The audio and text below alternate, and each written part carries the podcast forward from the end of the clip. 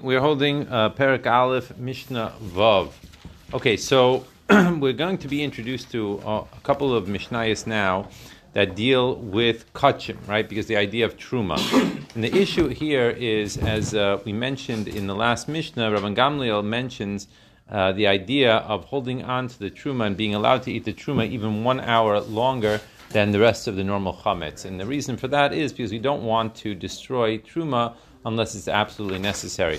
So now we're going to come up with a, a little bit of a discussion on. Uh, we're going to segue into the idea of truma, and and are you allowed to make it tame, and how to make it, how to, how to deal with destroying it, etc. So let's start with the first Mishnah, which is not as uh, to the point of, of Pesach, and then that's like sort of an introduction for Mishnah Zayin, which is more relevant to uh, to Pesach. So he says like this: Rabbi Chanina Sagana Kayanim Aimer. Rabbi Chanina, the skan of the Kayanim, would say, uh, Mehem shel Kayanim, in all the days of the Kayanim, lo nimneu melisraif es habasar nitma bivlad atuma. They did not stop themselves from burning a korban, right, or meat that was a, a sacrificial meat that became tame by touching a a what it says here is a vlad. It was touched by a vlad hatuma, which would be a secondary source. And so, therefore, if you can think about it in terms of this, this piece of meat now became a shlishi, a third, right? With another piece of sacrificial meat that became tame, which had touched an avatuma. So, therefore, you have your piece of meat, which is only a shlishi.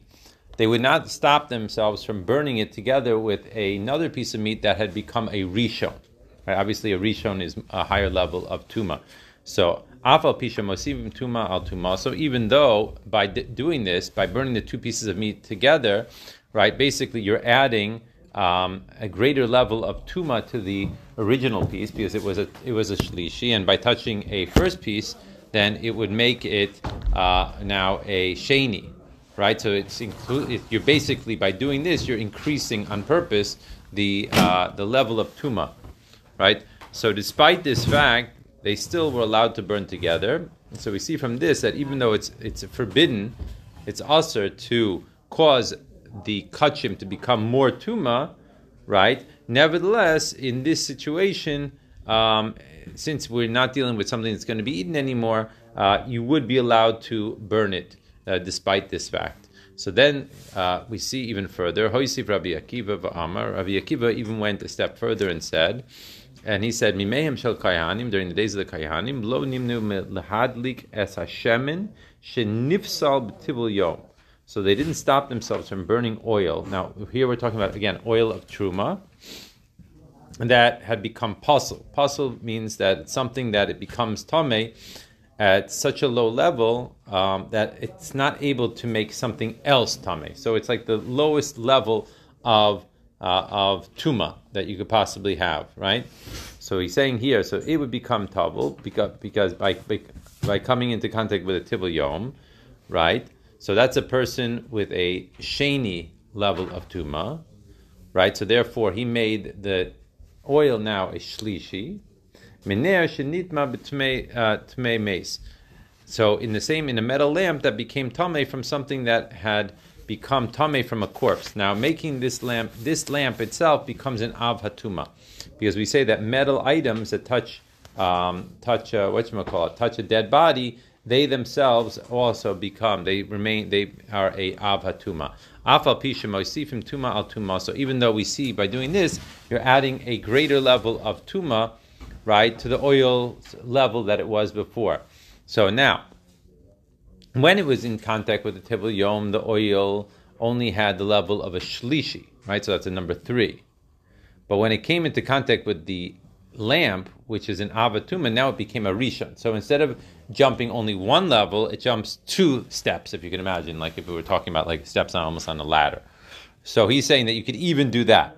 So we see that it's even more lenient than Rabbi Hanina's uh, opinion than what he said. Now, Mishnah Zayin. So that leads into um, the discussion Mishnah Zayin, which is going to be take us to the end of the parak. So he says here, Amar Rabbi Meir, Midivreim lamadnu. From the fact that we learned these things from Rabbi Chanin and Rabbi Akiva, so we could learn out Shisarfim Trumas tahira im tameya bepesach. That you're allowed to, right? Because we have a situation here. We need to destroy truma that is chametz, right? Because that's what we need to do.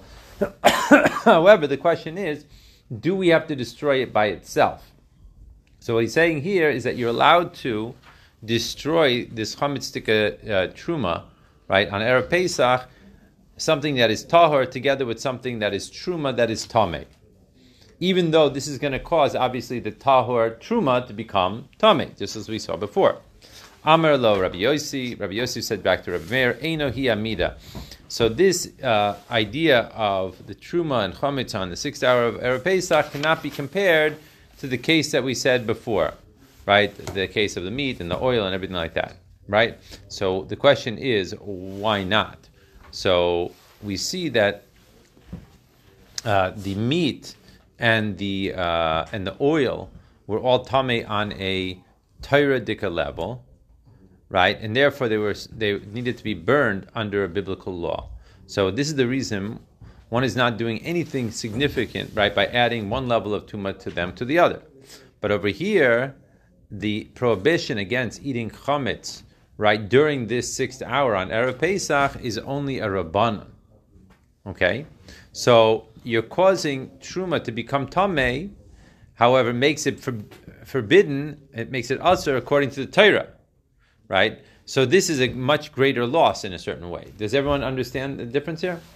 Okay, but Maidim Rabbi Lezer, Rabbi Yeshua, Rabbi Lezer, and Rabbi Yeshua, who disag- uh, disagreed concerning the burning of the truma that is chametz on erev Pesach, would, however, agree shesarfim zula atzma atzma. They would, however, agree that when we burn the truma, that's chametz during the sixth hour, uh, you must burn this one, namely the truma that's tameh by itself and the truma that's tahor by itself, so that way they don't mix. Alma nechlaku. So what did they disagree about? So they disagreed al tluya al tameya. So they disagreed with regards to the burning of the truma, about which there's a question whether it is uh, like a question mark. Is it tameh or is it tahor? So are you allowed to then burn that one together with truma that's definitely tameh? Sure, Rabbi Eliezer, Rabbi Eliezer says Tisra Abzula Atman Bazula Asra. So Rabbi Eliezer would be a more machmir opinion, and he says no, you have to even have a possibility of doing this that it would be not okay. So therefore, you would burn each one separately. Whereas Rabbi Yeshua Aimer Shteim Ka'achas, you burn them two, both together, since the questionable truma, right? It might already be tame anyway, and it must and it has to be burned anyway as chametz. So there's no isser against bringing it together with something that is definitely tame. And that's what he would say. Okay, let's stop here. We'll continue tomorrow. Uh,